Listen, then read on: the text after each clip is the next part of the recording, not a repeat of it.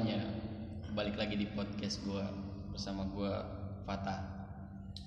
Eh, Hari ini gue akan membahas sebuah nasihat dari sebuah buku ya. Nanti kita jelasin bukunya siapa.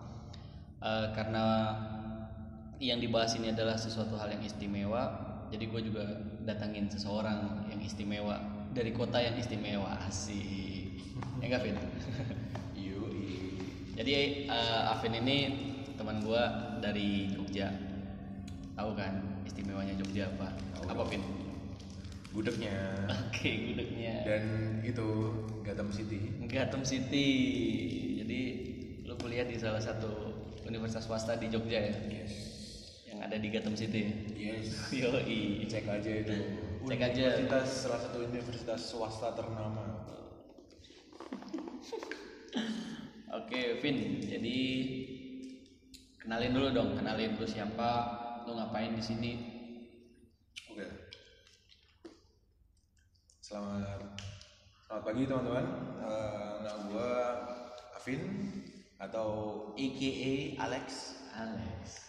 Gue dari Jogja, jauh-jauh datang ke sini nih buat nemenin Bung Fatah ngobrol-ngobrol. Biasa dia habis bahas buku kayaknya nih, minta minta teman buat ngobrol doang. Jadi ya ya udah. Sok atuh, ini mau bahas buku tentang apa? ngebahas bukunya si ini sih si Donald Trump tahu kan Donald Trump Yang presiden itu kan? iya presiden mana Presiden mana ya? Korea Selatan kayaknya. Eh Korea Utara ya? udah damai bre udah damai udah damai Udah damai ternyata.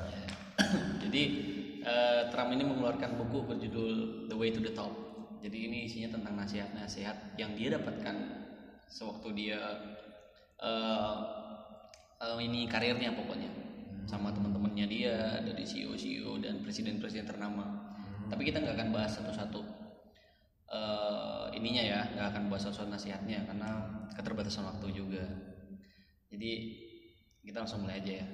Gak mulai dari yang pertama gue nge-highlight banget sama kata-kata dari Dian N. Presiden DHB Financial Service. Dia bilang kayak gini berikanlah gairah di dalam pekerjaan anda karena itu akan membuat hidup anda jauh lebih menyenangkan dalam jangka panjang.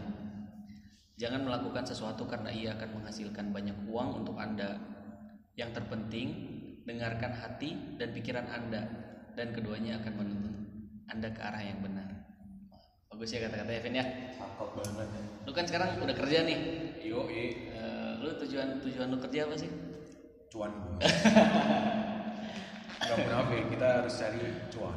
tapi lu sekarang kerja di bidang yang lu tekunin gak sih? Maksudnya lu seneng gak sih sama bidang itu? Suka sih, jadi eh, sebelum masuk ke tempat kerja gue yang baru ini, jadi gue tuh memang suka suka suka eh, kepo-kepo desain desain, suka suka.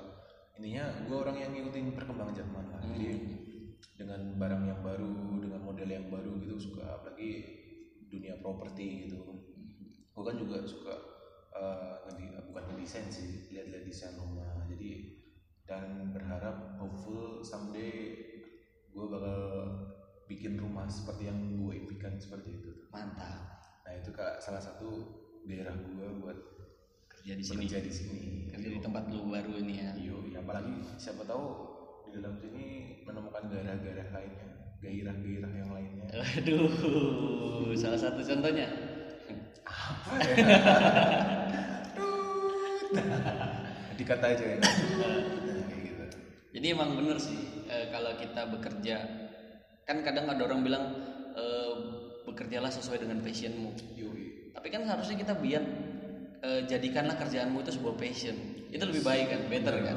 Jadi kayak lu udah kerja nih, ketika lu mau berangkat berangkat ke kantor itu udah seneng duluan. Seneng duluan. nggak terasa kalau kerja bakal sampai jam 7 malam atau lu mungkin 12 jam kerja itu nggak terasa jadi lu yang ada bakal enjoy enjoy aja jadi bener banget itu kata-kata yang dari Da- Diane N. Brock ini jadi kayak eh, yang penting lu suka dulu lah sama kerjaan lu apa kalau lu terpaksa cuma buat cari cuan doang eh, Ya, jangka pendek. Hancur lu bor Jadi lu kerja cuman aduh pengen dapat uang udah. Kalau udah dapat uang tuh udah malas lagi kerja gitu. Tapi kalau lu jadikan itu sebagai passion, sebagai apa yang lu gairahkan tuh lu bakal gue pengen cepat-cepat besok biar cepat-cepat kerja gitu kan asik Iya, yang jelas yang penting itu sih nyaman, nyaman juga, nyaman pemikiran kita buat prospek ke depannya itu oke nih perusahaannya bagus nih.